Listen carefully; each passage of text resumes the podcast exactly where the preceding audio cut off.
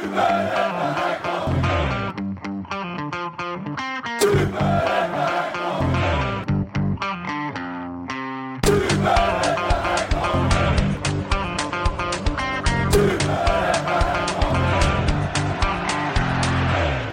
har blivit onsdag igen. Varmt välkomna till Superettan-podden. Det är jag vid rodret som vanligt. Med mig har jag ett eh, fulltaligt manskap. Jocke, Lelle och Johan. Eh, Johan, allt bra med dig? Uh, ja, det, är okej. Okay. Det är okej. Okay. nästan så att ordet skit kom innan okej okay där. Nej, det är inte bra. Nej. Det, det, det är dåligt. Ja, Mycket dåligt. Som vanligt. Eh, Jocke, du kom in med ett leende på läpparna idag. Och det är det som är så tragiskt. Alltså varje gång man hör Johan så... Alltså jag har ingen relation till Sundsvall, så jag ska inte säga att jag blir skadeglad, men det är någonting ändå upplyftande med att se att han sitter och ler samtidigt som han säger att han inte mår så bra. Jag, jag vet inte riktigt hur jag ska förhålla mig till det. Jag vill flika in att en tjejkompis skrev igår att vet du vad det roligaste med dig, eller bästa med dig är? Det är att du är som allra roligast när du är som allra, allra mörkast. ja, det kanske ligger något sanning i det. Nej, men jag, jag mår bra i övrigt. Eh, man, man märker att i eh, det jag pysslar med utanför fotbollen så har alla företag kommit tillbaka. Så volymen har ökat kraftigt. Eh, sen så är vi inne i en extremt bra trend med Trelleborgs damer där också nu med tio vinster och ett kryss på de elva senaste. senaste förlusten 20 maj och just nu på andra plats i elitettan. Men det är långt kvar, men eh, det går väldigt bra där just nu. Så jag mår... Eh, jag är on fire. Nytt fett kontrakt på bordet såg jag också. Att Feldin förlänger med Trelleborg. Ja, nytt kontrakt i alla fall. det får någon annan eh, uttrycka sig kring. Okej, okay, okay. ja, vi får kolla deklarationskalendern vad heter sen. Ja, men som vanligt när man sysslar med damfotboll så man får ju ha en insyn eller en insikt i vart man är i hierarkin. Det är ju herrlaget som är liksom eh, loket på det hela. Så herrarnas tabell, eh, serietillhörighet, men även vilken serie vi kommer tillhöra nästa år också påverkar ju eh, omfattningen på tjänsten och det är även ekonomin i så fall såklart. Mm. Ja, du är alltid så duktig i dina svar Jocke, men det går minst sagt bra. Det är väldigt roligt. Jag följer det med spänning ska jag säga. Men Eh, som vanligt eh, så har vi en eh, gäst på plats i, även i dagens avsnitt. Välkommen eh, Mikael Dahlberg, akademichef i Helsingborg, men också med ett eh, sportsligt ansvar som det fint, så fint heter på här sidan. Välkommen! Tack så mycket. Tack! Hur är läget med dig? Eh, jo, det är bra tycker jag. Eh, det är bra. Um, det är väl alltid när man man mår lite grann så som resultaten är och därför har det varit kämpigt under en tid här. Men, men eh, alltid skönt att vinna innan ett eh, landslagsuppehåll. Det blir lite längre till nästa match och då kan man eh, eh, må lite bättre under en längre period. Tycker jag. Mm. Tacksamt att vinna innan ett poddframträdande också kan jag tänka mig.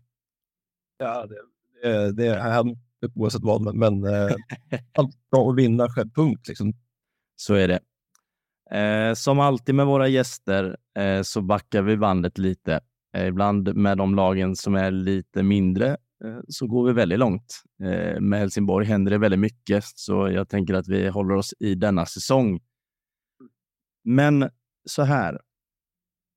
Tre omgångar in, eh, då är det, ja, men då skickas ju banderoll ut med uppmanande till Granqvist avgång. Eh, dagar senare så lämnar ju sportchef och både, båda tränarna Santos Lindström där. Eh, kan du ta oss lite till den perioden i Helsingborg och berätta hur det var då? Uh, ja, först och främst är det jäkligt tråkigt. Jag har ju spelat med alla tre uh, och ville inget hellre att, att HF skulle starta hela den här säsongen bra liksom, och vinna massa matcher. Och så blev det inte. Då tog klubben det beslutet Eh, mm, man försökte rätt snabbt landa in i hitta en ersättare på tränarposten. För det är ju det, det som är eh, mest brinnande. Och det gjorde man ju med Stuart efter några dagar, tror jag, två dagar kanske. Eh, och sen så eh, med mer tid så försökte man ju hitta, okay, hur, hur kan vi fylla upp Janens uppgifter? Och, och, och där frågade de i juni någon gång för mig om vi har hjälpt till där också eh, tillsammans kanske med Stavros från styrelsen som, som har varit sportchef tidigare, Holma och har även eh, bra koll på det ekonomiska. Och, och, vår vice vd Reda och eh, ordförande slash jurist eh, som har bra koll på avtal. Så vi har några stycken som försöker fylla, fylla uppgiften här.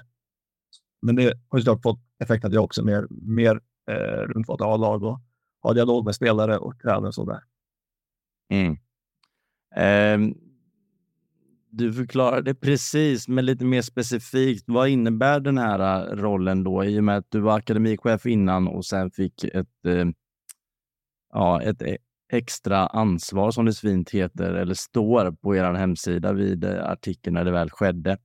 Eh, var det, tog du över uppgifter från någon av de tre som då lämnade eller hur kom det sig att det blev så? Var det en ny position i klubben som ni, ett gäng, tog över? Eh, nej, men det var mer för att fylla den rollen upplevde jag. Så jag, eh, vad det innebär att jag gör väl egentligen fler, fler uppgifter och fler jobb än vad jag gjort tidigare. Och då upplevde jag ändå att akademichef var ett, var ett heltidsjobb. Eh, så att det är väl med att vi försöker fylla luckor så som det blir. När personer lämnar i olika företag och organisationer så är det fler. Det behöver fler personer göra fler saker.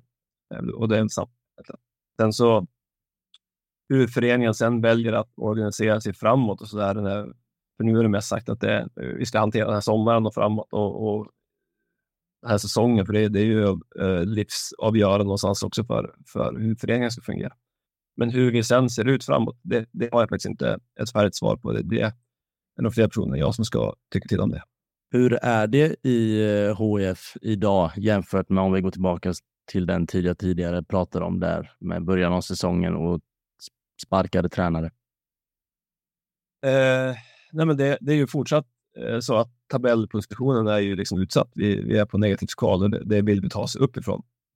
Så att eh, det är någonting man lever med varje dag och det är färre matcher kvar nu än vad det var då. Så att det är ju bara att liksom facea det och säga att det, det är där vi är.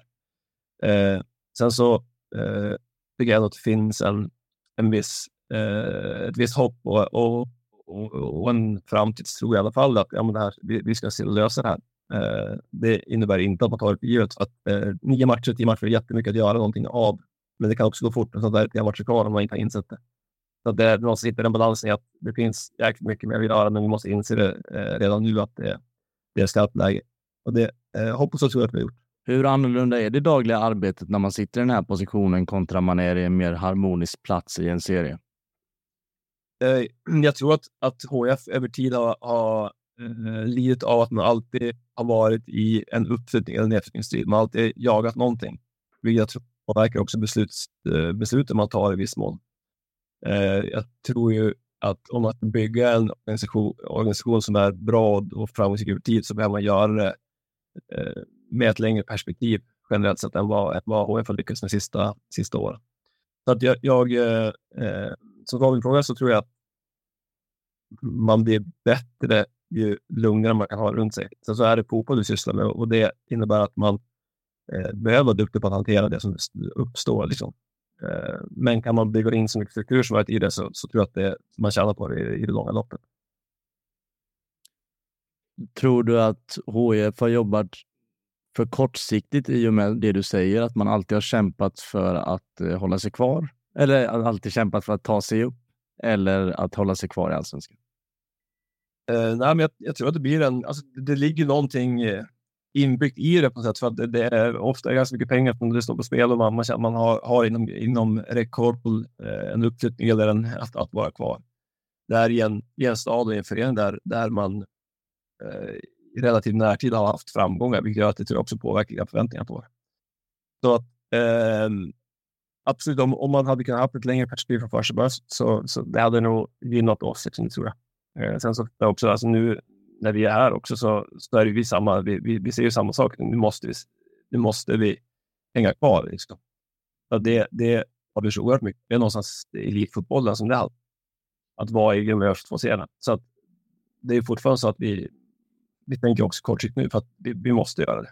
Men för att föreningen ska bli riktigt så här eh, livskraftig och, och, och ta sig tillbaks dit vi en gång var och vill vara så behöver vi vara mer långsiktigt. långsiktigt det, det är jag säker. Om ni nu jobbar kortsiktigt, vad innebär det i en klubb? Men det är väl att man, eh, alltså kortsiktigt så är det ju att alltifrån att vi har avtal som löper ut till eh, kanske även tränare, visst någon som har utgående avtal och så, där, så att, det, det, då är det ju så att det perspektivet är lite kortare än vad, än vad det normalt sett behöver vara. Eh, så att eh, en svar på frågan är att, att jobba kort är att göra allt varje dag för att vi ska vinna en match. Eh, och det är en viss, kanske en viss skillnad från att vi över tid ska sätta struktur som gör att vi vinner matcher eh, hela vägen. Och, och där försöker man få in så mycket som möjligt av det också. Eh, men det, det dyker alltid är dagliga grejer som, som, eh, som kan ta ännu mer eh, fokus. Liksom. Jag tänker på det långsiktiga när du pratar om att bygga struktur. Eh, finns det någon eh, processplan eller tidslinje och vad, vilka saker finns med i så fall i den här processen för att man ska kunna bli kunna ta bra beslut över tid och bli konkurrenskraftig över tid? Men det, där har vi även HF haft liksom en femårsplan i hur vi vill se ut och hur vi vill förse spelet i vår trupp och en trupplogistik i det. Men jag, jag tror att eh, man behöver alltid revidera den och, och någonstans till så är, eh, den är relevant utifrån vad vi är just nu. Liksom. Och det tror jag är viktigt. Men, men där tror jag på eh, akademins roll i en förening. Jag tror på eh, hur en trupp logistik ser ut i ett A-lag. Alltifrån åldersmässigt till ekonomiskt till eh, åldersstrukturellt till exempel. Så det, det, det, där så är det bara att man att helt enkelt gör omtag och, och, och detta i pränt. Liksom. Det tror jag är viktigt. Eh, mycket om, eh, om nu oturen är framme. Eller otur, det, det är en, en, lång säsong och man, man förtjänar väl åka ur om, om det nu skulle vara så illa. Men vad eh, ja, men kan man sätta ord på det? Vad hade det inneburit för en stor klubb som, som HIF att spela division 1? Eh, vi har ju sett guys eh, varit ner och vänt, så det går ju, men, men det, är ju, det är ju inte en, en, någonting positivt. Vi har gjort samma i relativt närtid och så Nej, men, men det är klart att det, det eh, är ju en det blir en helt annan sak såklart. Alltså det, det blir att titta över väldigt mycket i, i hur man anpassar sig till ekonomin. Det, det kommer ju, det var som eh, Jocke sa tidigare, att, att eh, ganska mycket i föreningarna styrs av hur, hur ser det ut för representation på här sidan, för, för det styr ganska mycket över ekonomin i en förening. Mm. Så det, det blir att, att, att göra omtag och se över det igen. Så. Skulle du kunna ta oss igenom transferfönstret? Det hände ju en hel del och jag menar, eh, ni var några stycken runt det, men, men det måste ha varit eh, ja, från, från din roll i akademin till, till det här. Det måste ha varit en hel del att göra och, och mycket nytt för din del. Liksom, och, och ni gjorde väldigt många värvningar. Uh, ja, det kan vi göra. Kan ta igen. Vi, vi, egentligen början på sommaren så skrev vi avtal med egna akademispelare också med, inför nästa år. Lukas Hjellnes, Adam Svanbäck och William Westerlund. Lukas har, han har tagit hela matchen sedan dess och, och, och, varit med och spelat en hel del. Um, sen så lämnade Kasper Widell och Pavle Vajic kom in. Vi eh, kände därefter också att vi, vi hade problem med att, att fullt ut kunna lita på att Thomas Ronge spelar så mycket som vi vill. Uh, han har varit en viktig spelare för oss egenskap. Vi kanske har saknat i viss mån i andra, andra i, i backlinjen där med huvudspel och ledarskap. Och så, här, så då fick vi en chans att låna in Bernardo Villar som vi tycker täcker upp mycket av det. Nu hoppas jag att Thomas kan vara med så mycket som möjligt, men, men vi får också vara realistiska och se till hur vi kan ha spelat och, och vad som har hänt med laget och matchen han har startat sen klivit av. För det har också hänt två gånger under sommaren här och då, då tycker jag att det blir ett tomrum efter honom. Mm. Det bra att kunna ha Bernardo därefter. Eh, Jon Birkfeldt kommit in. Där har vi en, en helsingborgare som som är fostrad i klubben. Eh, och var hans lilla hem och vi hade varit hem honom och det, och det kändes bra eh, att få in den typen av person och fotbollsspelare. Eh, I bakre led har jag även Filip Holst. Reinhold lämnat som var mer defensivt spelare. Eh, på mittfältet så eh, kommer Cole Alexander, sydafrikan, Stuart haft tidigare. En spelare som, som Stuart kände jätteväl och som, som var tillgänglig och som han, som han uttryckte att han hela ville ha. Så det kändes bra att vi kunde eh, få hem honom hit. Och sen så har vi redan varit pratat hela året om att vi behöver ha ett, en till typ av nya, både en, en ytterligare en spelare men även en, en, eh, en spelare med andra egenskaper än Wushin. Eh, och då tog vi Lukas Imas som mer djupare spelare och, och duellspelare kanske än, vad han var är. Så att, eh, ja, där, där har vi det. Det är rätt mycket. Vad, så här, känner du dig nöjd med, med det som blev? Uh, jag antar att man har ju alltid olika spår och, och sådär och, och förhoppningar. Och, ja, men hur, hur vill du summera det? Så är det. Nej, men det, det, det känns bra. Lite grann det vi pratade om också, att ge Stewart så mycket eh, verktyg som möjligt, alltså rent så här egenskapsmässigt. Vad, vi skulle behöva ha lite mer av det. den typen av spel, den typen av match. Så kan vi få in det. Alltså, det bra. Vi har gjort att vi kan bredda truppen med egenskaper. Eh, sen så eh, ska man också noggrant säga med att eh, om vi pratar om det här kortsiktiga och långsiktiga igen. Det är jäkligt viktigt, tror jag, att vi har en dialog med tränaren i det här fallet. För att ta in spelare under sommarfönster eh, när vi ligger där vi ligger och Stuart inte upplever att ja, men det här är spelare som jag vill ska komma in eller inte är delaktig i. Då tror jag att det är fel. Så Stuart har varit med mycket i det här också och, och haft, haft en talan i spelare som kommer in. Mm. Men det känns väl, för så är det, känns det bra. Sen så är det med allt annat. Då. Man, man bör ju summera det när säsongen är slut för att se vart det är. Och, och Stuart då, det är, väl, det är väl bara avtal året ut. Eh, är det inte lite, ja, jag förstår ju att man förstår ju att det kortsiktiga är prio, men, men just att han är så delaktig, eh, blir det inte lite konstigt när han bara har, har månader kvar eller finns det en plan för honom längre fram om det, om det går bra det här? Eh, så, och där igen, då, då är det en fråga som är, det är fler involverade i föreningen som ska fatta de besluten. Så att, eh, mer, än, en, mer än bara jag. Då. Men det är som kommer in. Jag tror att det är rimligt att vi, man har, liksom, man har en klubb som är att det här går i linje med den typen av spel som vi vill värva. Men det behöver också vara spelare som, som även kan göra skillnad här och nu med tanke på vi befinner oss. Så att eh, jag ser inte att det är någon, någon jättestor motsättning. Hur är det? Jag var på eh, HIF TFF till exempel och jag, jag tycker mig ha sett en hemmatrend också, även fast ni vann på hemmaplan senast. Men att ha det publikstödet ni har nästan blir en, eller kan upplevas som en nackdel för spelarna i en negativ trend. Det är så mycket folk som förväntar sig så pass mycket att det nästan låser sig istället. Mm. Det är det ni pratar om också. Nej, men, man kan väl titta på så här hemma borta tabell. Där, där har vi varit eh, generellt svagare hemma än borta, även relativt sett om man ser tabellposition. Så, så klart att det kan ligga någonting i det. Eh, sen så eh,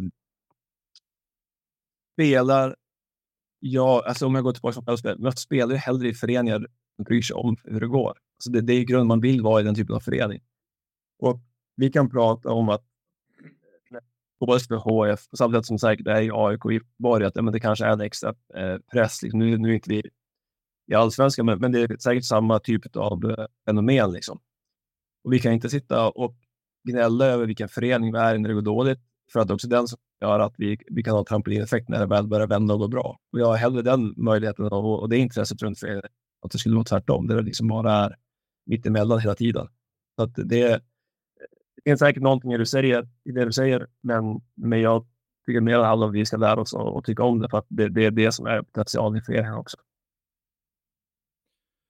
Hur ser du på eh, avslutningen av säsongen här? Då? Eh, antal matcher kvar och, och era möjligheter att, klara det här. Är liksom en negativ kvalplats, är det, är det helt okej okay, eh, utifrån hur det har sett ut den här säsongen?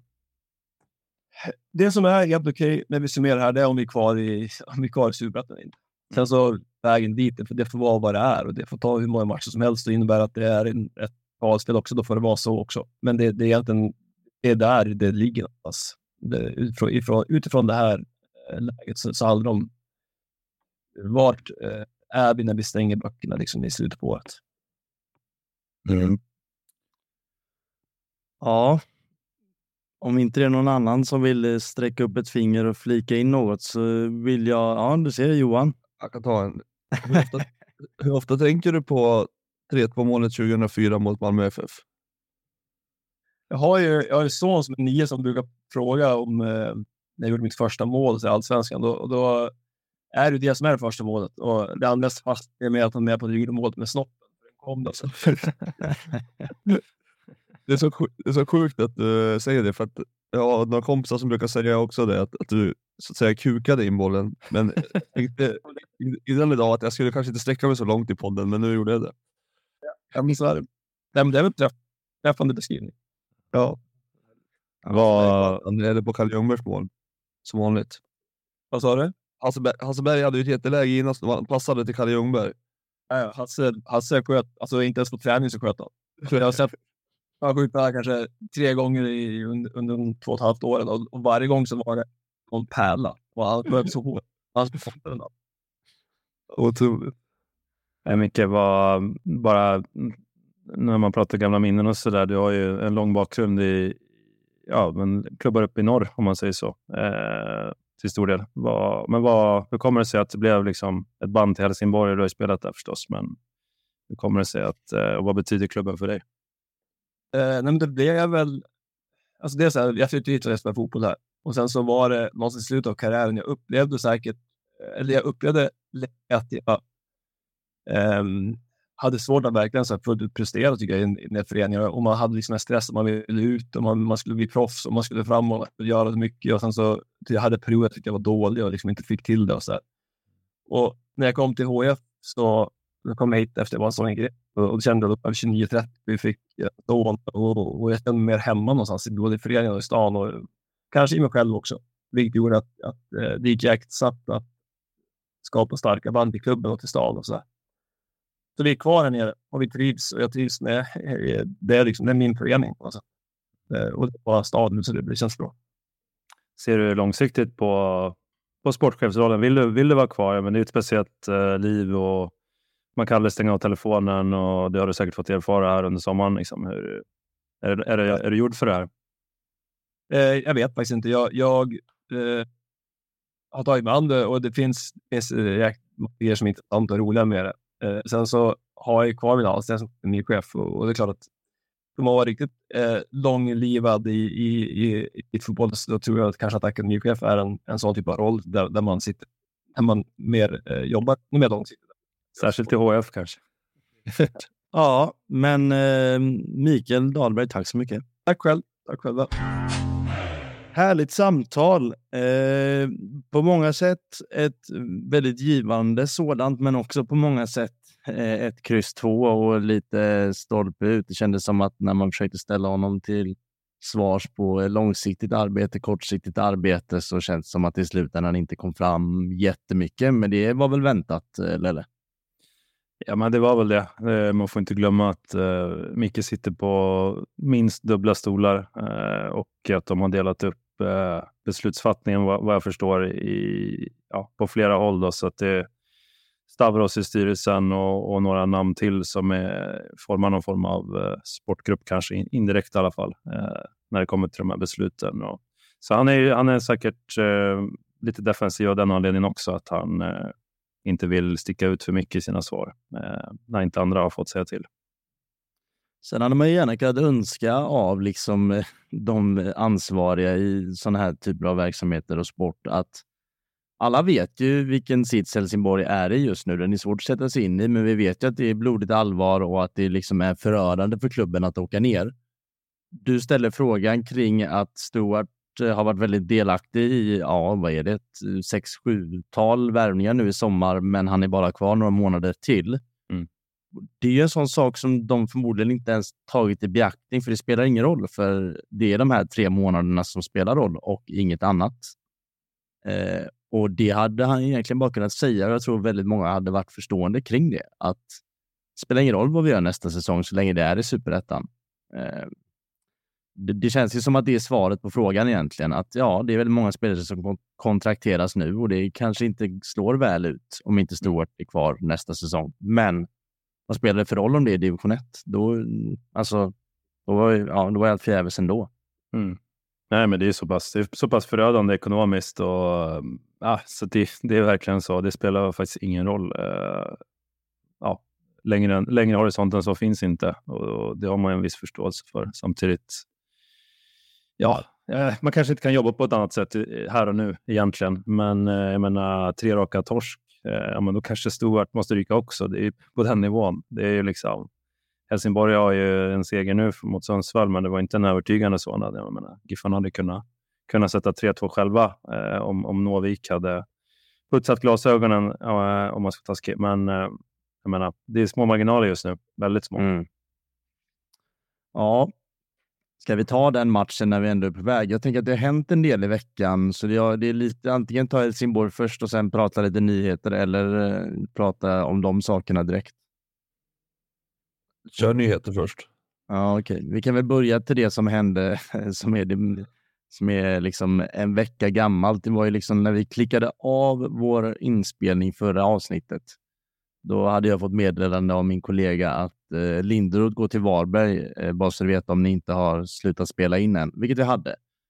Eh, men det kom ju från ingenstans. Eh, lite knepigt, eller vad tycker ni att det, att det kommer officiellt mitt under säsong? Jag kan tycka att det är en liten konstig flytt också. Eh, alltså det, Varberg har ju verkligen börjat rusta för superettan redan nu. Men det känns inte som att... Eh, det är klart att man skapar sig erfarenhet och lite organisation nu på grund av att man varit i allsvenskan. Men det är fortfarande inte en stor klubb, inte ens när man kommer ner i superettan. Eh, så det är klart att de ligger före Skövde i hierarkin, men det känns fortfarande om man backar tillbaka en 5, 6, 7 år så är det nästan ett steg i sidled. Eh, så jag, jag ser liksom inte vinningen i det hela. Men alltså just det faktum som du säger att Varberg är så bortblåsta att de har börjat rösta för superettan är väldigt tydligt. Det talar ju ändå för att, för att man röstar för att kliva upp igen eller stabilisera sig högt upp i den där superettan. Och för Tobias Linderoth då att gå till en, ja, en, ja, en, en klubb som kanske ja, men vars utsikt mycket mer är allsvenskan än Skövdes i alla fall. Det är inte, det är inte direkt sidleds, eller? Nej, inte som det ser ut idag. Det, det håller jag med om. Eh, och Varberg kan eh, mycket väl blanda sig i en toppstrid i superettan nästa år, men det kan också vara Helsingborg eller Sundsvall som, som hamnar där nere i botten och krigar. Sen kan jag ju tycka att eh, Linderoths arbetssätt så är det ju väldigt få svenska klubbar som spelar på det sättet just mm. nu. Det, det, har ju kommit mer utomlands igen med till exempel Sevilla som spelar väldigt lik Linderoth. Nu, nu säger jag inte att Linderoth ska till Sevilla. Det, så långt ska vi inte ta det. Men eh, just eh, liksom positionsförsvaret 4-4-2 börjar ju slå lite grann igen utomlands. Mm. Och det kanske begränsar hans möjligheter till nytt jobb. Eh, och sen så sa han ju när vi intervjuade honom att eh, han behöver helst av allt ett jobb nära Borås där han har familjen. Så det, ja, jag vet inte hur långt det är emellan, men, men det är pendlingsavstånd hyfsat i alla fall. Va? Ja, jag vet inte hur långt Skövde är, men Varberg-Borås är väl en timme och en kvart med, med, med tåg. Ja. Och lite kortare med bil. Så att, äh, nej, han har väl andra skäl än rent sportslig utmaning att ta hänsyn till. Men, ja, jag, jag, vill i alla fall säga att jag är inte riktigt med För jag tycker ändå, som du säger, att det är väldigt få klubbar som spelar Tobias Lindroths fotboll. Så tycker jag samtidigt som att han passar som handsken i, den, i Varbergs handen. Liksom. Ja, det känns som att Varberg verkligen kan, kan bestämma sig för att så, ja, det, det ska vara så simpelt som Lindroth vill ha det. Vi ska göra det enkelt och de kan på den vägen absolut prestera bra fotboll tror jag. Och, och jag skulle ändå vilja påstå att eh, Varberg är ganska många snäpp över Skövde. Även fast jag vet att det, du säger inte emot det Jocke, men jag, ja, Ja, jag, jag, tror, jag tror för Varberg så tror jag det är en bra värvning och för Tobias Lindroth tycker jag också att det, det är liksom det är i sidled uppåt. Om man kollar vart Varberg kommer ifrån, så, eller vart Varberg är och var de spelar fotboll och vad Skövde spelar fotboll så känns det som att han cementerar bilden av sig själv som en ganska primitiv fotbollstränare om man, om man ska se liksom, vad Varberg är. Det är väl, jag, jag tycker i och för sig att Varberg ligger ganska långt ifrån eh, Skövde idag hur det ser ut. Jo, okej, okay, men det, det har inte sett skias, det har inte varit bländande fotboll senaste åren, det kan man väl inte säga. Nej, men att det är bländande och att det är olikt, det är två olika saker. Ah, okej, okay. nej. nej, men um, jag vet inte. Jag tycker att det känns som ett ganska ja, det tråkigt. Jag, jag förstår vad du menar Johan, men, men det finns väl väldigt många tränare som har tagit sig väldigt långt på att spela en ganska destruktiv fotboll. Jo, men som jag som upplevde honom i intervjun med oss så, så upplevde jag att han, att han sa sig anpassa spelet utifrån det han hade att jobba med idag. Mm. Och eh, att han kanske helst inte hade velat spela så egentligen, men att han försökte maximera det han hade. Då hade man kanske velat sett att han eh, tog ett lag där han fick spela en annan typ av fotboll än vad han gör idag. Men det kanske han gör då. Vi får se.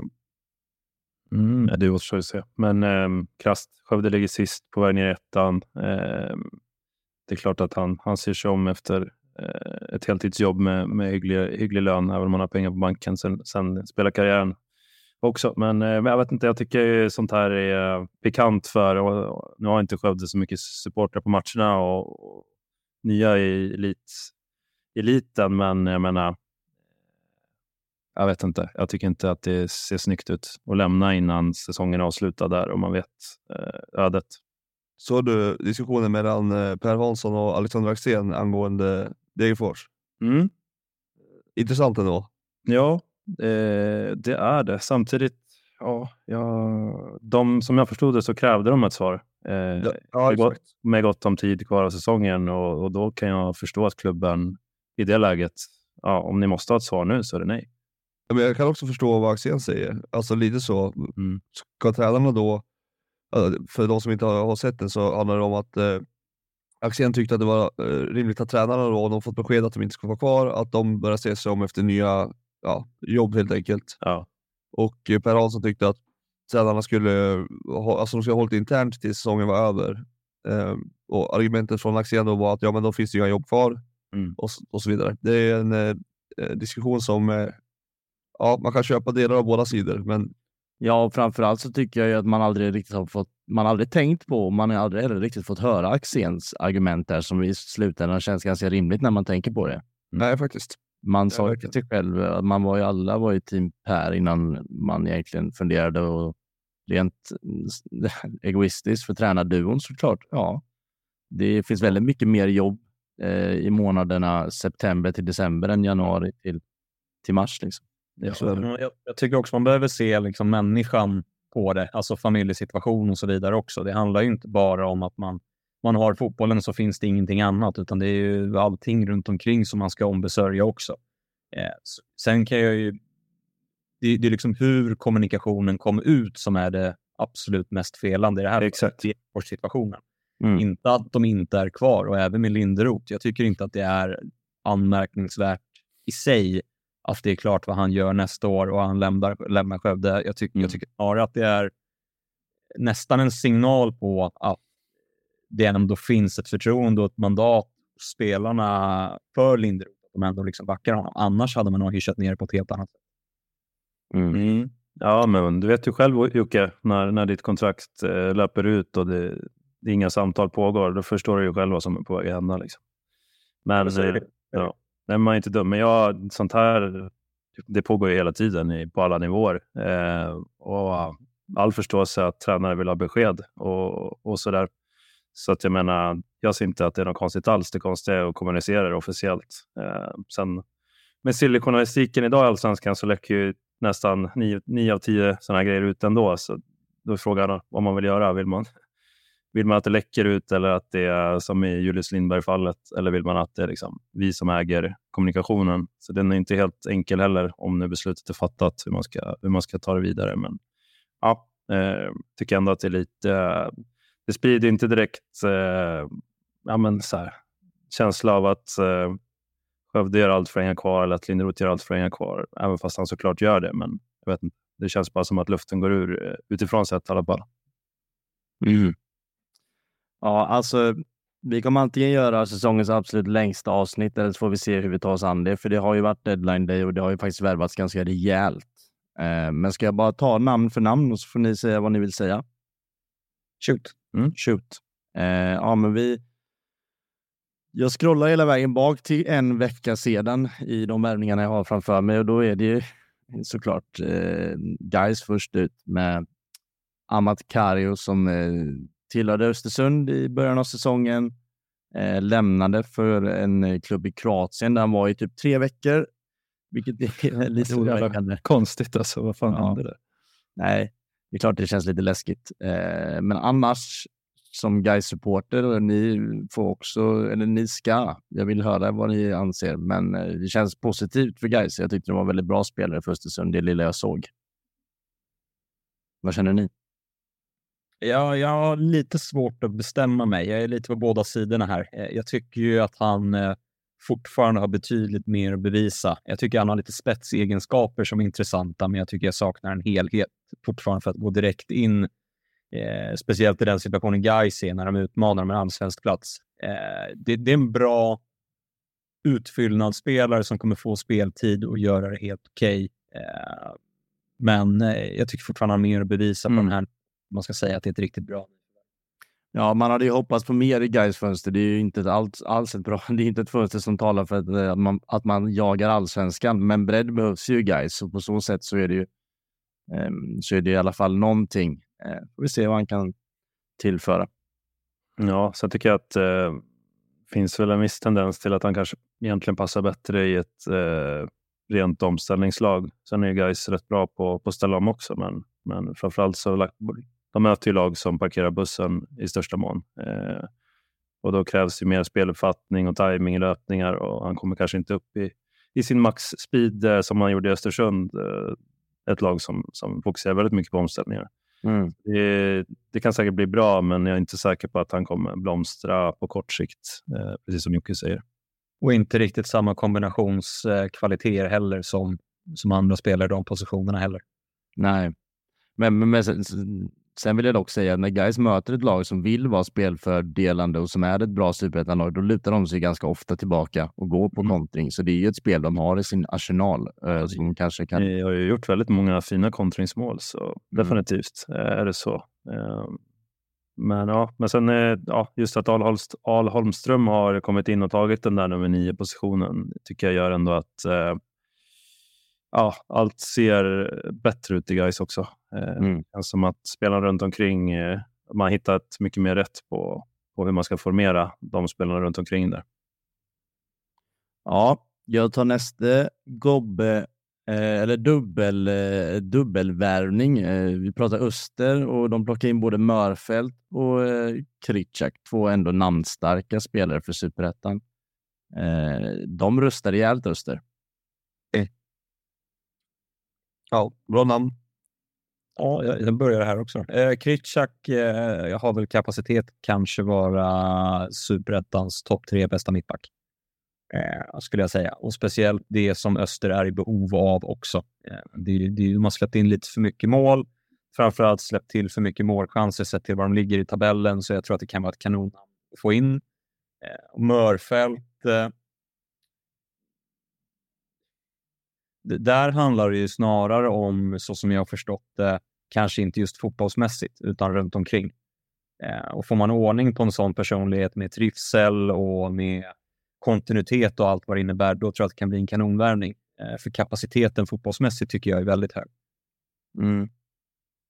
Ska jag ha varit på Gais radar också, men eh, ja, blev Öster till slut. Får se vem som får vinnande ur det där. Ja, och sen är Mörfält, han har knappt spelat något i år. Eh, så, ja, och fick inte hoppa in sist, så det tyder väl lite på att eh, han har start, startsträcka medan eh, eh Kristic känns som att han, eh, Kishak kan gå in ganska rakt in om, om behov finns. Och den, den känns ju än starkare än Mörfält-värvningen på kort sikt. Men en fråga till dig Jocke som tränare, är inte det här med matchfitness lite av en myt? Nej, absolut inte. Du, du tycker det ligger mycket i att om man inte spelat mycket, fått många minuter så är man liksom mindre redo för minuter än någon som har gjort det? Ja, alltså det är ju en väldigt stor frågeställning, men det enkla svaret är ju ja. Sen är ju allt baserat på vad du har för egenskaper och vilken position du spelar mm. på. Men, men hade... timing, relationer, eh, ytor, avstånd, alltså allting sånt måste du ju få ett ryggmärgsbeteende i. Mm. Det... Men, men det måste vara mest det, antar jag? Vad sa du? Jag förstår timing, relation och kemi av de elva spelare som är på plan, men självaste fitnessbiten så känns det som att alla i en trupp ska väl alltid vara redo och är redo. Fotbollskondition är något helt annat mot vad du kan träna själv. Alltså det, det, du kommer aldrig upp i... Du kan kalla det högbelastande pass en onsdag, men det är fortfarande inte i närheten av vad du får ut av att spela 90 minuter fotboll. Nej, nej. Jag har ju spelat fotboll och skriver under lite. Jag tycker bara att jag har fått lite stor. Låter som att det var länge sedan du spelade, Harry. Ja, kanske. Framförallt har alltså, det var ingen nivå. Mörfält har ju knappt spelat fotboll de senaste åren överhuvudtaget, känns det som. Alltså det är inte jättemycket matcher, eller? Nej, men, men vadå, de som inte spelar i A-laget spelar u mm, det piser. Det, det, är inte, det är inte alls samma sak. Nej, du. Nej, nej jag, jag, jag känner mig besegrad. Det är bara men, men, en professionell fotbollsspelare som lever på det. Att man inte ska, men jag förstår med timing och sånt, men inte med fitness. Absolut inte. Nej, men alltså, alltså det, Varför har jag hoppat runt lite? Eh, det känns ju också som ett tecken på att det kanske inte är helt hundra, eller? Mm. Ja, vad det beror på är väl en stor fråga det med. 67, 67 matcher har han eh, varit deltagit i sedan 2020 och då var 29 av dem i Frej. Har han inte en allvarlig skada efter det också någon gång? Det ska jag låta vara osagt, men ja, det är någon klocka som ringer kring det. M- möjligt. Men skitsamma. Vad säger vi om uh, kvalplatskampen där då? Det, jag vet inte, det känns som Gais hade tre raka, men uh, Öster uh, känns lite mer uh, gedigna på något sätt här och nu. Plus att de har tre poängs försprång. Plus att de vävar in bra spelare i sitt fönster. Mm. Exakt. ja, vad, vad känner du Harry? Nej, men jag, jag är väl, ja, alltså det, är ju, det pendlar ju vecka till vecka. En vinst i ryggen och jag tror på det, en förlust i ryggen och jag tror inte på det. Men, Mm. men i det stora hela av att kolla väldigt mycket Öster, men väldigt mycket mer guys så ja, jag, jag, jag, ja, nu är det ju tre poängs försprång och så enkelt ska jag väl säga att då, då är det Öster som är i förarsätet. Jag tror eh, guys högsta nivå är minst i nivå med Öster, som kanske inte till och med är bättre. Men eh, jag tror Östers lägsta nivå är högre och det finns lite fler spelare som kan göra det här avgörande i Öster. Så jag, jag är rädd för att de tar tredjeplatsen och det är väl, skulle väl vara lägre odds på det om jag var oddsättare eh, just nu. skulle nästan säga tvärtom. Att Öster har en högre höjd, men Gais har en eh, högre lägstanivå. Ja, nej. Eh, Valsjocke. Ja, nej, nej, men jag, Mot Valsjocke. Nej, nej, nej, men så är det alls. Jag var emot eh, Jocke på det där jävla fitnessskiten han höll på med. Jo, det var bara att jag hade sagt tvärtom mot vad du hade sagt några gånger i rad. Det var väldigt roligt. Jag kan Ja. vara tyst då. Nej, nej, nej. Nej, jag, jag, jag, alltså, jag, jag tycker att det är positivt. Sätt åt Harry för fan. Nej. Ja, jag, jag har ju rätt här, men jag ska bara se hur jag formulerar det. Nej, men, men eh, ja, nej, men mitt argument är väl så simpelt att jag tror eh, att eh, ja, det är, det är fler spelare som kommer träda fram när det inte ser bra ut i Öster än vad det kommer när det ser, inte ser bra ut i Gais. Därav är deras lägsta nivå fler poäng än vad Gais lägsta nivå är, tror jag. Sen har de ju gris, grismålsspelare på ett annat sätt. Westermark och, och, och Wiberg. Adam Bergman Wiberg. Eh, Det behöver inte alltid se så snyggt ut, men, men ruggiga straffområdesspelare. Det eh, kan ju vara någonting definitivt som avgör till deras fördel. eh, När, när planerna blir sämre i höst också. Mm. Där är Holmström är ju mer av en finlirare. Nej, men hans målsnitt är inte på samma, samma nivå direkt. Nej, det- Ah, ja, vi räknar ju från uppehållet, gör vi. Ja, där, då är jag med. Då är han Nej, eh, men eh, det ska bli. Det, det, det, är ett, det är ett tvålagsrace om de, den platsen tror jag och det är ett tvålagsrace om den översta platsen. Eh, och eh, ja, det ska bli väldigt intressant. Vi går vidare till nästa värvning. Eh, det här är ett namn som inte jag kände till sedan innan. Pierre Larsen, dansk, till Trelleborg. Jocke? Mm, som jag har förstått det så var han eh, den sista spelaren som lämnade Köge när de startade någon satsning för en tre, fyra år sedan när de hade Daniel Agger som tränare bland annat. Eh, så han gick i den satsning som de skulle göra där, där de skulle upp mot danska högsta ligan. Eh, och, och nu är Köges fans, jaha, nu lämnar Pierre, då var den satsningen över. Eh, jag har förstått det som att det är en eh, ganska hårt arbetande spelare som sticker ut framförallt för att han har väldigt bra inläggsfot, passningsfot. Eh, i den, det, av det lilla jag har sett och det lilla jag har hört. Men annars har jag inte så mycket mer på honom. Det, det är inte så att jag är expert på danska andra ligan, om jag ska vara helt ärlig. Men det var någonting med Köge där i alla fall. Lite siffror har du. Mm, jo, På danska andra. vad sa du? På danska andra ligan. Lite siffror har du. Det har jag inte. Men eh, ja, jag skulle ju kunna kolla upp detta nu, men jag tycker det är så pass ointressant. Men jag kan i alla fall citera eh, Salif Karamara Jönsson eh, som säger att han har ett imponerande poängsnitt i, i den andra divisionen i Danmark. Eh, och det, han bekräftar också det du säger om HB Köge och att det är deras bästa spelare de senaste säsongerna. Så ja, intressant ju. har, har några inspel inlägg nu senaste matchen också som är nära på att eh, Boman är väl nära på någon till exempel. Jag tror att Fia är nära någon i andra också. Eh, så han är nära på att göra någon eller två assist redan i första matchen. Så det kändes väl ganska bra. Han har, han har inte fel i sak. Han gjorde 10 poäng i fjol på 20 matcher. 4 plus 9 på 32 och sen 8 mål på 27 året innan det. Vad ja. du säger? Åtta mål på 27 som ytterspringare, inte, inte dåligt. Nej, 1 plus 9 på 20 är inte heller så tokigt. Nej. Nej. Utsikten är nästa gäng på mitt schema som värvar och det är en allsvensk spelare, Laurent Mehmeti från Halmstad. Inte fått särskilt mycket speltid, men var ändå lite upphypad inför säsongen om jag inte minns helt fel. Men... Inte. Nej, jag har, jag har inte något på honom mer än att han ja, tillhörde allsvenskan innan det här och det, det, jag vet inte. Någon som heter Mehmeti låter ju alltid lite, lite spännande efter Agons uh, liksom, år i Malmö. Där. Mm. Som en röradol. Ja, exakt. Men har, är de släkt på något sätt eller? Mehmeti, inte för att jag, jag har ingen empiri på det här alls, men jag känner till och har haft flera Mehmeti i min närhet, så jag tror det är ett väldigt vanligt efternamn. Ja. Agon Mehmeti är ungdomstränare i Djurgården idag och hans brorsa har IFK Trelleborg i division 2 södra Götaland. Ja, det ser. Det ser. Mm. Utspridda i fotbollssverige. namn minst sagt. Ja, men det är det. det, är det. Ja, jag har eh, ingen koll, ingen koll på, på honom faktiskt. Men sen lånar... Förnamn? Lorden. Lorden. Lorden. Vi får, vi får scouta honom. Jocke är Y-scout, så han återkommer med en rapport senare i avsnittet. Mm. Det är fint. eh, nästa är ju ännu en namnstark och det är Öster igen som lånar in Jakob.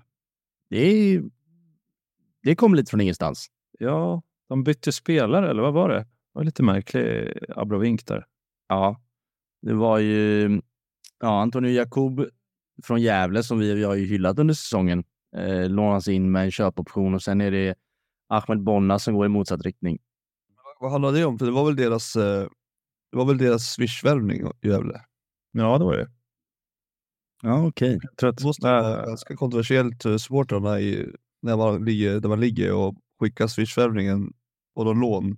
Mm. Men jag tänker att eh, det måste ha i båda fallen att göra med att eh, de inte riktigt passar in i tränarens sätt att spela. Liksom. Eh, bara...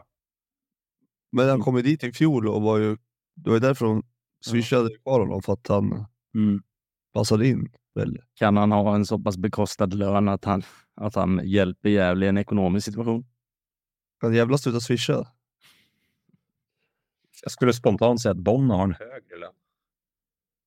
Ja, det är inte omöjligt. Det är absolut då, då är det ett riktigt jävla pissbyte av Gävle i sådana fall. Nej, jag, jag ska ärligt säga, jag har missat det här, den här traden helt och hållet. Ja, det är också. Helt. Mm, men den är, den är väldigt speciell. Ja, det, vad sa du? Den, den är det väldigt är speciell. bara. Mm. Ja, vad händer? Men jag menar, Öster röstar ju som satan, minst sagt. Men Jakob har väl inte varit helt ordinarie, va? Nej, Nej har han inte. Gjort lite poäng i alla fall. Mm. Men det är ändå... Jag för mig att vi har hyllat honom. Ja, exakt. Nej, han, är, han har ju bara startat 8 av 18 ändå i Gävle. Mm. Men det är, hur många Bonn har startat? Tre? Ja, exakt. Det är något liknande. Dåligt facit. Vill ni höra om en till konstig värvning? Ja. Kör. Örgryte släpper alltså Hadi Saleh Karim till J Södra. Ja, det är... Va? Eller hur? Va? Hur har de råd med det för det första? Varför släpper de honom? Ja, på Twitter så meddelar klubben att man knyter till sig Hadi Saleh Karim och Örgryte har gått ut med det här så också. Jag läser bara här. Eh, och då är citerat eh, Andreas Karlsson som är klubbchef. Jag just att de har haft diskussioner med Hadi en tid och det har kommit önskemål från spelarna att söka sig någon annanstans. Mm. Va? Eh, vi anser att, att det är det bästa i det här läget att mötesgå spelarens önskan. Han har ju, alltså jag menar av spelare som har underpresterat i ÖIS så är han ju den som har underpresterat minst. Ja, ja, verkligen. Han har ju varit fin. Ja, jag tycker också det. Okej, okay, nu uh, har jag inside här. Uh, så kanske måste klippas. Vi får se. Men varför tar du det då? Jävla Nej, jag säger det till er nu. Sen kan ju Lelle droppa det. Okej, okay, vänta då. Jag ska bara göra en sak snabbt för att jag fick lågt batteri på datorn. Sorry. Det är någon äh, agent-skit alltså. Nej, men han är ju ett psykfall. Alltså, Ja. han, eh, Det tänkte jag att jag skulle säga. Ja, precis. Nej, men han, har en, eh, han har en självbild kring sig, kring Ja. sig att han är, eh, borde vara en startspelare i Allsvenskan i stort sett. Ja. Han klarar inte av att bli utbytt och går in i Okej. öppna affekter och diskussioner med tränare under match. Och har både han och agent hört av sig till i stort sett alla klubbar i Superettan att de... Fy fan. Vilket, vilket, eh, ja, vilken svulst alltså. Har du det direkt då, Lennart? Mm. Han är en cancer. Nej, men jag kan bara säga, ja men där har jag... Ja, jag vet inte. Är det, hur, det, det, du vet det här Jocke? Det är säkert. Ja, jag känner absolut. Mm. Eh, nej, men gällande Hadi så har det väl varit, eh, vad jag har förstått, en del eh, missnöje med, med eh, speltid och sådär. Att han eh, ser sig själv som en, eh, som en startspelare och att det blivit diskussioner kring det. Eh, och att det helt enkelt kanske var i det här läget som jag ser bättre att gå skilda världar. Att båda blir, mår bättre av att han är i en annan miljö så att säga. Eh, och eh, vad, jag, vad jag antar så, så kommer J Södra satsa mycket på honom här under hösten då, om man, om man väljer att göra det bytet. Men det är klart att det ser ju märkligt ut att släppa till en direkt konkurrent om, om att hålla sig kvar i superettan. Så ehm, ja, eh, men den här fotbollsvärlden gör, gör en ju galen varje fönster egentligen allt mer nu för tiden. Så ja, inget förvånande riktigt längre. Men det är klart, för J Södra är det bara att tacka och ta emot, men ja, han har bråkat sig bort helt enkelt. Ja, men jag vet inte vad som är hönan, hönan och ägget, men det är klart att det är en, om en missnöjd spelare i läget som ÖIS eh, är i också, eh, tar mycket plats, eh, är en stor personlighet och allt det där, så, så kanske ÖIS själva känner att de ska gå, vill gå honom till mötes för att skapa lite lugn, lugn för tränare och för trupp. Så om en spelare som han väljer att gå till i Södra till slut, då får man ju ändå intrycket av att han har så att säga velat bort till i stort sett vilket pris som helst. I och med att i Södra är där de är, både Mm. ekonomiskt, de är på väg down the drain och skulle man spela i division 1 med någon av klubbarna i Södra eller Örgryte i dagsläget hade man ju valt Örgryte 10 fall av 10. I alla fall om jag säger mitt. Det känns eh, kortsiktigt korkat och märkligt. Ja, eh, när de skriver som de gör också, det, det tyder ju ändå på att eh, det inte var ett rent, eh, liksom, ett normalt eh, förfarande kring den här övergången. Eh, Okej om man gjorde plats för någon annan spelare, men, men så som de skriver så, så känns det som att det var de här andra anledningarna egentligen bakom det. Ja. Känslan är att han byter, ju, han byter pest mot kolera här. ja, det, ja, i södra är fortfarande lite avstånd, men det krymper ju för varje vecka. Och, Ja, det- Två poäng. Ja, Ja, nej, visserligen. Men eh, deras trend är ju, är ju att de kommer vara bland botten fyra. Det de kommer inte vinna en match till har jag sagt och det kommer jag stå fast vid. Inte en Nej. match. Har de Sundsvall kvar? Jocke kan säga Johan. Vad sa du? En spaning som inte ens Jocke kan säga emot. Nej, exakt. Det jag frågade var om Sundsvall var kvar och möta dem, men det är de inte. Ja, jag håller på att kolla nu. Det är där de kan vinna. J Södra Örgryte 30, 23 september. Hatmöte. Numera. Karim spelar i Hafen Haf-tröja. Så där, det var eh, x antal spelare som har bytt klubb till superettan och inom superettan. Eh, Jag har missat eh, några stycken absolut, men det var de som skett sedan senaste avsnitten som är värda att nämna i alla fall. Eh, nu tänkte jag att vi tar oss an lite matcher. Vi är redan ja, i princip en timma långa, så jag tänker plocka lite sekvenser från de olika, så får vi eh, se vart eh, samtalet tar oss. Men vi har haft lite HIF-fokus, så det vore ju fel att inte ens nämna den matchen som också var mot ditt kära Giffers. Johan, Ja, det var ju det take it away! Ja, jag vet inte var man ska börja. Eh, sluta. Vi kan väl börja med målet de gör, 1-0. Eh, resolut försvarsspel, Giffers. Eh, får stå och sparka 6-7 gånger framför mål innan den går in. Eh, någon håglös back som står bredvid och tittar rakt fram som att han hade fått en så här, tillfällig ADD-diagnos eller något. Det, ja, det är deppigt att se. Sen så tycker jag att efter det målet så tar Giffarna över och är ja, klart bra till och med eh, perioder. lyckas göra ett eh, hörnmål som eh, Joelsson kanske kunde ha kommit eh, ut annorlunda på. Om jag... På svenskfotboll.se så står att Kalle Joelsson gjorde nickmål. ja, det är Min- långt kvar. Min spaning är om man kollar på den sekvensen igen, att han, han drar ju upp ett litet volleybollförsvar där.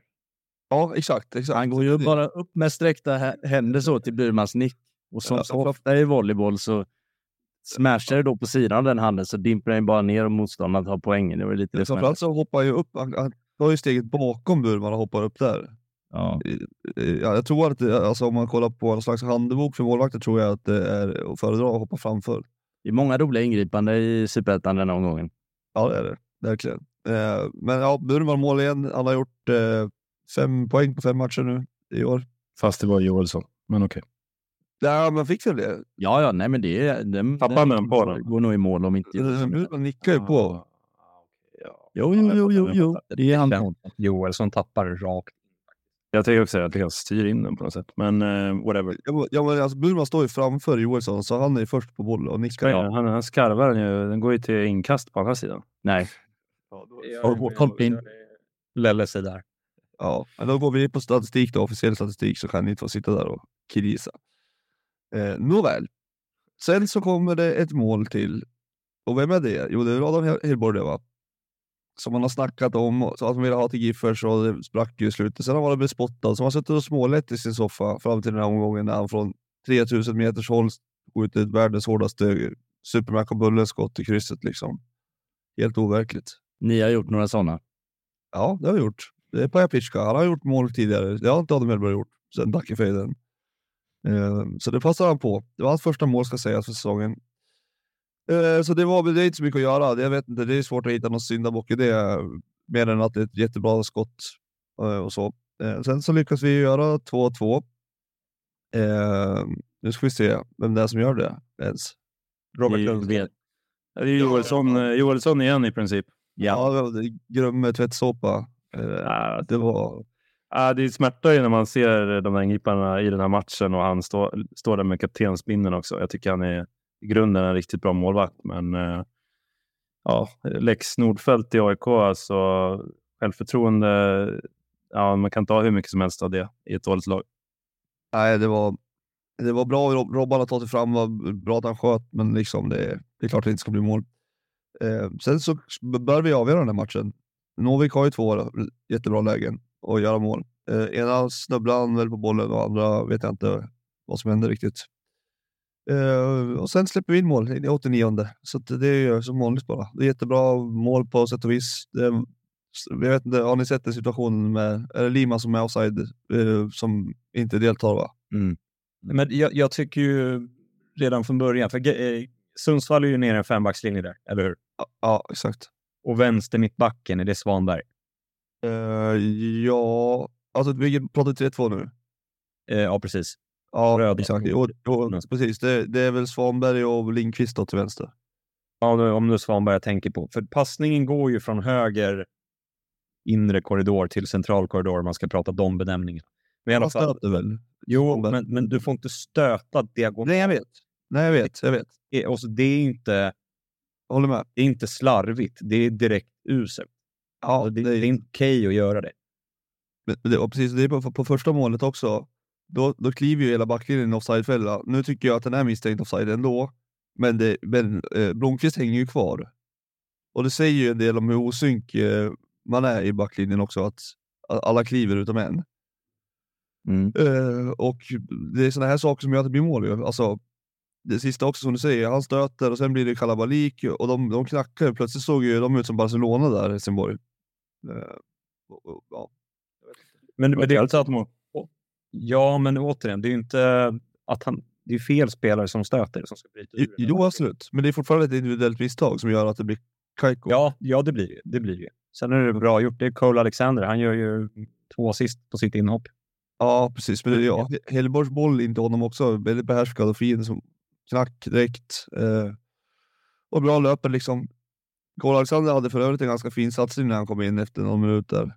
Två fotare, 300 blås. Han, eh, nu skulle man haft en sån kille. Ryktas att HIF också är sugna på Shabalala. Kommer ihåg honom? Alltså, ja, precis, exakt. Ja, Obe, obekräftade rykten. Malala är vi intresserade av. Galna rykten. Lundgrens inhopp då, eh, Martinsson? Ja, jättepiggt. Mycket piggt. Upp på topp och Ja, nej, men det, ja, när de sköll någon i ryggen. Och, ja, det första. ja, han, gick ju, ja, precis, han tog en armbåge efter två sekunder på plan i ansiktet på någon. Sen tog jag också, ska sägas, Oskar Jonsson tog ett gult kort eh, för att han, alltså, när han ska sätta igång spelet. Ja, det var helt... Det ingenting. kvittering. Så får våran målvakt gult kort. Ja, det var märkligt. Ja, det, Det, är- vad, vad är det för någonting? Alltså. alltså det, är- vad, vad, vad gör han? Uddamålstorsk på bortaplan, det är ändå godkänt. Exakt. Det sa man eh, fördröjande spel. Vore ett lag som spelat allsvenskan förra året. Båda gjorde det. Sant. Ja, men, men, men, vänner som er behövs inga fiender. Alltså, vi kollade upp eh, statistik. Jag skulle kolla fjolårssäsongen för att jag såg hur mycket mål Degerfors hade släppt in. Jag visste ju hur många vi hade släppt in, men jag tänkte det, ja, det måste vara i närheten. Klickar in på förra säsongen och så ser jag 80 insläppta och bara, alltså det, var, det gjorde ont i mig. Ja, det var 47 typ Degerfors. Ja, precis. Det är bara ett par ifrån. Mm. Eh, Men så tittar man på den här säsongen, hur det ser ut. Och då har Gibson släppt in ja, en del mål igen faktiskt, visade det sig. 40. Så vi har släppt in 40 då. Så vi har släppt in 120 mål på 50 senaste seriematcherna, 51. 120 mål! Mm. Ja, det är helt sjukt. Det är overkligt. Torsk i nästa.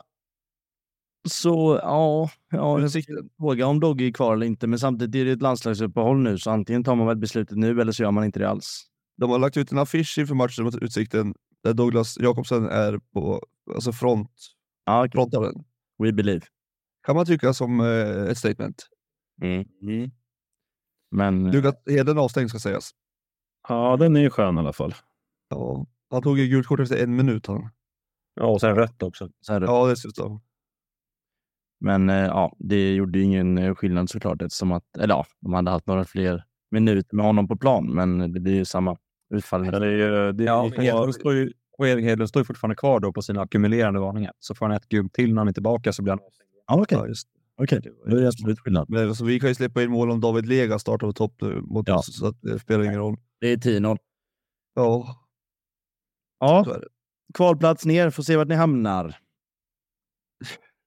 Ja, det blir spännande att se vart vi hamnar. Ja, det är smällande. har ju, ja, jag vet. Jag har ju tagit in en del spelare. Det är inte alla som spelar, ska sägas. Nej. Nej, men det, det ser väl bättre ut när liksom... Ja, men du vet, när Burman är på planen och... Durmas bra. Ja, men exakt. Det, det ser bättre ut och Blomqvist tillbaka. Men Det har sett bättre ut sen uppehållet tycker jag. Och, och grejen är att stora delar av den här matchen är alltså, ganska bra. Jag tycker jag såg ganska tydliga linjer i, försvarsspelet också i första där man ligger väldigt bra och sådär. Och sen så är det, det är bara det att jag, alltså, jag kan inte fatta att vi har släppt in tre mål den här matchen, efter matchen. Ni, ni är ju som Örgryte, så fort istället mot sin spets så viker ni ju ner er. Ja, verkligen. Verkligen. När det det har Helsingborg egentligen gjort hela säsongen också. Men, men nu var någon tvungen att vinna idag. Ja, den matchen. Ja. Eh, ja. ja, som sagt, vi plockar lite från de olika matcherna här. Nu stannar vi ett tag på den, men eh, Örgryte-Örebro var på förhand en match som jag ändå eh, tyckte skulle bli intressant. Eh, den öppnas ju med att eh, Kalle H serverar en superchans efter fem minuter där det ska vara mål. Ja. Han är ju Och helt... vi gör lite mål. Fan vad fin han är. Eh, Ja. första 25 minuterna innehåller faktiskt tre Örgryte-chanser, Ja. tre toppchanser. Alla är ju Kristoffersson och alla tre är ju ja, inte mål, vilket... Eh, En trodde man ju var inne, så tog ju den där. ja, exakt ja. Men eh, det, är, ju- det är ju liksom... Det skiljer ju Bra match. Ja, jättebra match, men det är ju verkligen Örgryte. Ingenting eh, går som det ska. Eh, och sen efter det så rullar ju matchen bara på och Örebro sätter sina chanser. Är inte ens nära. Holmers mål, alltså hans första mål, avslutet där, tar med sig och skjuter på ett. Alltså det är otroligt bra. Jättefint. Alltså man märker att det är så jävla viktigt att ha en nia som konstant levererar. Ja, Dang, Jönköping under våren och nu Kalle Holmberg, Örebro. Ja. exakt. Mm. Verkligen. Sen, jättebra. tycker Kevin Walker har varit jättebra efter uppehållet också. Mm. Nära på frisparksmål igen. Ja, han skjuter den i liksom det, det aviga hörnet på något sätt. Ja, men han har inte så mycket kraft i dojan, så när han försöker sig på det så är det ganska låga chanser att det ska gå in. Det är samma som med hans, eh, eh, tempoväxlingar, det är sam, samma hastighet. Ja, mycket går rätt långsamt i den kroppen. Ja, det går väldigt så att, eh, norm, alltså samma hastighet i allt. Med hörnor på Fergie Time, det, där har han ett S i rockarmen. Ja, du, du tror ju att han skjuter med vind, att han kollar vart vinden går och, och så Mm. skjuter han. Så att, ja, du, du tror att det är världens absolut smartaste Kevin. Kevin, Walker är ju superettans Anders Svensson i allsvenskan innan han la Ja, tre matcher. Sorry. Ja, men verkligen på slutet av Anders Svensson. Ja. Men han eh. Ja. Väldigt mot eh, Anders Svensson. Annars. Har tagit sitt fotbollsspelande på så pass stort allvar att han har pluggat till meteorolog på sidan av för att kunna liksom bedöma vindriktningar och annat. Skulle inte både bli meteorolog och sångare. mångsysslare. ja, men det skulle man kunna kombinera ju. Ja. Sjunga, nu ska inte jag sjunga i, i den här podden, men sjunga in liksom eh, dagens väderprognos hade varit något. Utgår för att han sjunger segersången i alla fall i omklädningsrummet, eller? Han har inte riktigt trycket för det när alla ska stämma i. Han är mer fin, fin mysig. På, på ett jobb jag hade förut så spelade vi alltid eh, Kevin Walkers eh, audition Soldier på fredagarna när vi skulle, innan vi skulle liksom... Gavin DeGrom. Ja, fast med Kevin Walker då. Ja, jo, men Han ville bara, han ville bara eh, stila lite här, Jocke. Det har gjort låten. ja. ja. Men en, eh, en eh, fråga och vi tuffar vidare lite. Eh, lika för båda topplagen. Eh, Brage som tar fyra poäng de senaste fyra matcherna mot Utsikten och VSK. VSK 0-0 här mot Brage. Eh, Utsikten 0-0 mot Östersund. Eh, lever det lite Jocke, våra tipp, eller är, de, är det bara två små bottennapp de här två senaste omgångarna? nej, det lever. Up Mm. and running. Jag tycker vi ska höja insatsen. Ja, får vi höja min lön också. Det- är inte jag som ansvarar för din lön. Det, så, så är det. Kan ni repetera förutsättningarna för de som lyssnar för första gången? Kanske? I vårt bett, Ja, ska vi vara helt ärlig, de är luddiga även för mig, så Jocke kör. Jag tror att det var att Öster hamnade på en av de två första placeringarna. Och det var 500 spänn i bettet. Ja. Jag för mig också att det fanns någon liten sidogrej där med att det, utsikten är under dem. Var det utsikten till och med? Ja, vi får eh, gå tillbaka och lyssna. Ja, ja men det kan vi göra till nästa. Ja, det, det lär inte vara så att du har sagt Västerås direkt. Att de skulle hamna under. Nej, nej, men det handlade om att Öster och Utsikten skulle byta plats av något slag. Men jag dubbelkollar det till nästa vecka. Det, det kan stämma. Det var Det, också var, ett, det, det är antingen Öster topp två eller Öster förbi Utsikten. Att Jag tror det är Öster förbi Utsikten. blir uttalat. Mm. Öster förbi Utsikten tror jag. Ja, men det kan stämma. Plus att du la, till, att du la till ett litet sidospår också, att Västerås skulle spela Champions League inom tre år. Jag var ju på Guys för tre år sedan. Om de tog dit Niklas Söderberg igen. Det vet du om väl Johan? Alltså, Att Bosko sa det när han var tränare för Guys. vadå? Att Guys kommer att spela Champions League inom tio år. Ja, ja. Det kanske var efter att hade lämnat då, som han menar. Det är inte för sent. Nej, nej, nej. Det är nog fem år kvar där. Så säger grattis då. Mm. Men eh, jag ställer samma fråga till Elle och Johan. Då. Utsikten och Västerås, har de cementerat ett och två eller finns det chans för Gais och ÖIS? Eller Gais och Öster? Mm, Uppehållet kom ju lägligt. Eh, Västerås eh, tycker jag fortfarande har ett bra grundspel, men, men nu har de väl tappat självförtroende. Sista tredjedelen känns som. Lösningarna där är inte lika klockrena och de har ju hållit en väldigt hög nivå väldigt länge, så eh, det är inte så att det är liksom all eh, Hilal eller vad de här Saudi-lagen heter, utan det är de har satsat allra mest. De har ju de har en- ett bra lag, men det är, det är framförallt ett lag, inte superettans enskilt bästa spelare på varje position. Så det är väl kanske inte helt förvånande att de får en dipp. Eh, jag tror att Strås kommer klara sig ur det här. Eh, utsikten är jag inte helt lika säker på, men de har ändå ännu mer marginal neråt. Så. Nej, ett kryss två. Jag har ingen aning. Det Men- är Öster, Västerås i nästa omgång.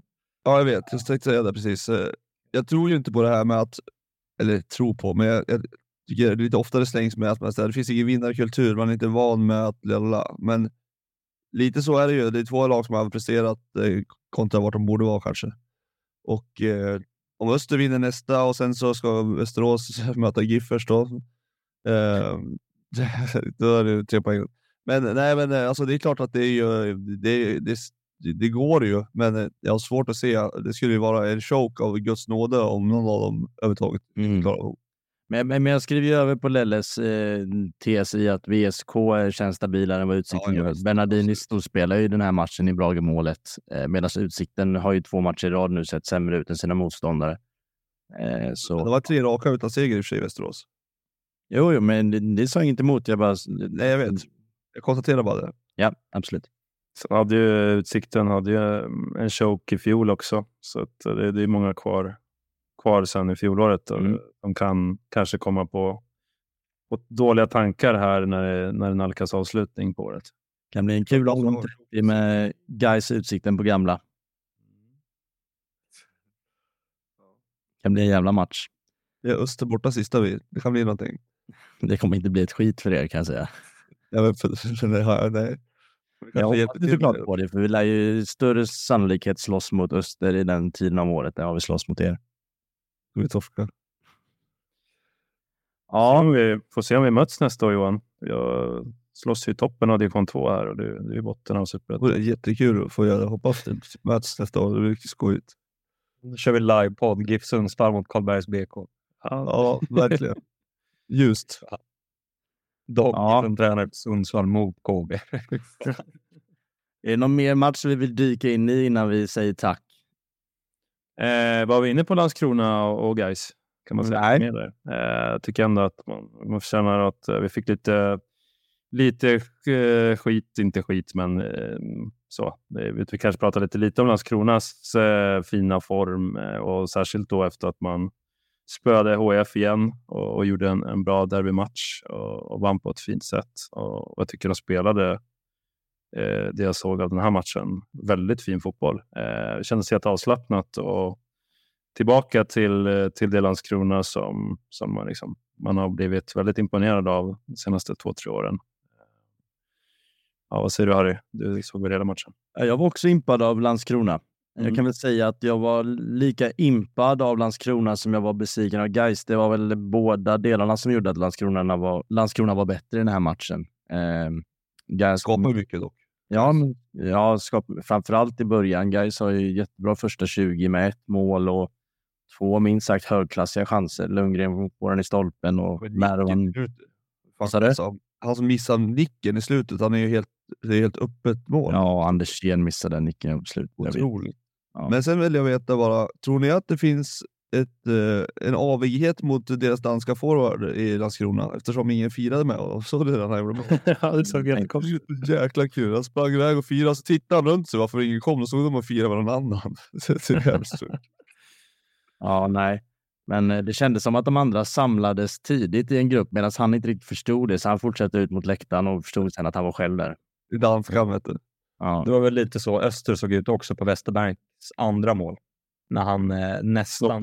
Ja, David Ljung. Halva gänget går till David Ljung och halva gänget till Westerberg. Det går väl in Där, va? är man ju, där, är man ju ganska, där är man ju ganska bekväm med att Westermark är rätt omtyckte det där laget. Jo, jo, men mer bara att det var verkligen tydligt två läger där och då. Men det var ju bara glädje. Det var inte Ja. negativt. Fan vad jobbigt de har det just du vet, du. De vet inte vem de ska fira med för två gör mål varje, varje gång. Det är en bra egenskap att ha som lag. Har ni, eh, har ni tittat lite extra på den här uh, Kotto i Landskrona? Ju.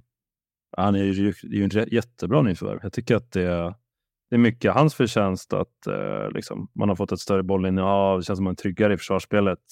Och han har en bra fot också dessutom. Så, eh, ja, lite av en eh, nyckelvärvning för, för Landskrona har visat sig tycker jag. Eh, att det har liksom gett följdeffekter. Att, att det offensiva spelet har blivit bättre också. Mm. Både han och Wieler tycker jag är bra värvningar som förstärker Mm. deras lag.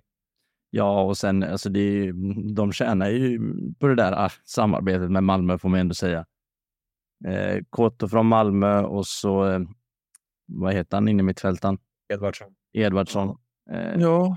Jag kan ju säga att, Videll in förra året. va? vad sa du? Eh, nej, vad heter han? Egnell? Nej, som gick till Danmark. Då Widell. Ja, Widell. Han var också från Malmö. Mm. Mm. Bara Kotti var inte från A-laget då. Men... Nej, men ja, och Kotto kanske borde varit i veckans elva redan förra veckan kan man säga. Ja, Jag kan säga att han är det denna veckan. Jag tycker han är otroligt fin. Eh, så jag bara skriver under på allt du säger, Lennart. Mm. Vem har vi som slips i, i elvan? Eh, jag och Lennart diskuterade lite om Ja. det. Var Ali, Ali Keita gjorde ju en jättematch, men Jag vill flagga för, jag vill flagga för Eskilinen. nej, det kommer inte ske. Nej. För att det står mellan Ali Keita och Bernardini, men jag tror den sistnämnda kommer få den platsen. Eh, Han gör, ja, han gör också en bra match. Jag tyckte Alltså, Eskilinen gjorde Keita spelar ju så jävla sällan, men när han spelar så är han ju nästan alltid bra. ah, inte alltid. Nej, jag sa inte alltid, jag sa nästan alltid. Lyssna, fan Johan. Det är ju så skillnad mot den här Milsen som spelar annars. Han, Ja. han blandar och ger, minst sagt.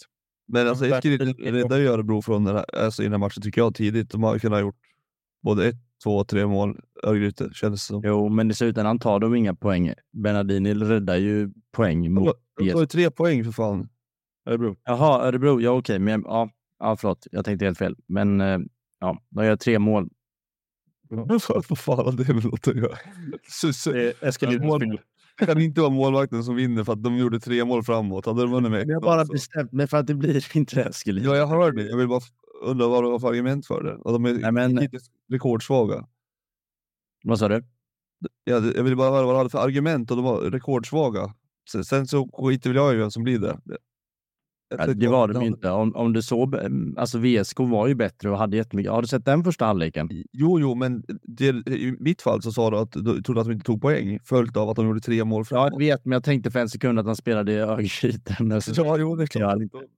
Då argumenterade du för en sak som- för ett lag som torskade med 3-0, så då förstår jag att det såg dumt ut. Ja. Bernardini kan få den. Jag köper. Ja, ge han den då. ja, vi har suttit här ett tag nu. Vad säger vi? Är det dags? Skiner solen även hos er? Det är sommarvärme här. Fantastiskt. Ja, det var detta avsnittet. Nästa vecka blir det ett annorlunda avsnitt. Det kommer inte ha spelats några matcher, så det är en stor chans att vi får dubbla gäster, kanske trippla gäster. Vi får helt enkelt se. Tack för denna gången. Tack till er som lyssnar. Det här har varit Superettan-podden som görs av Rekat och Klart. Vi hörs igen på onsdag.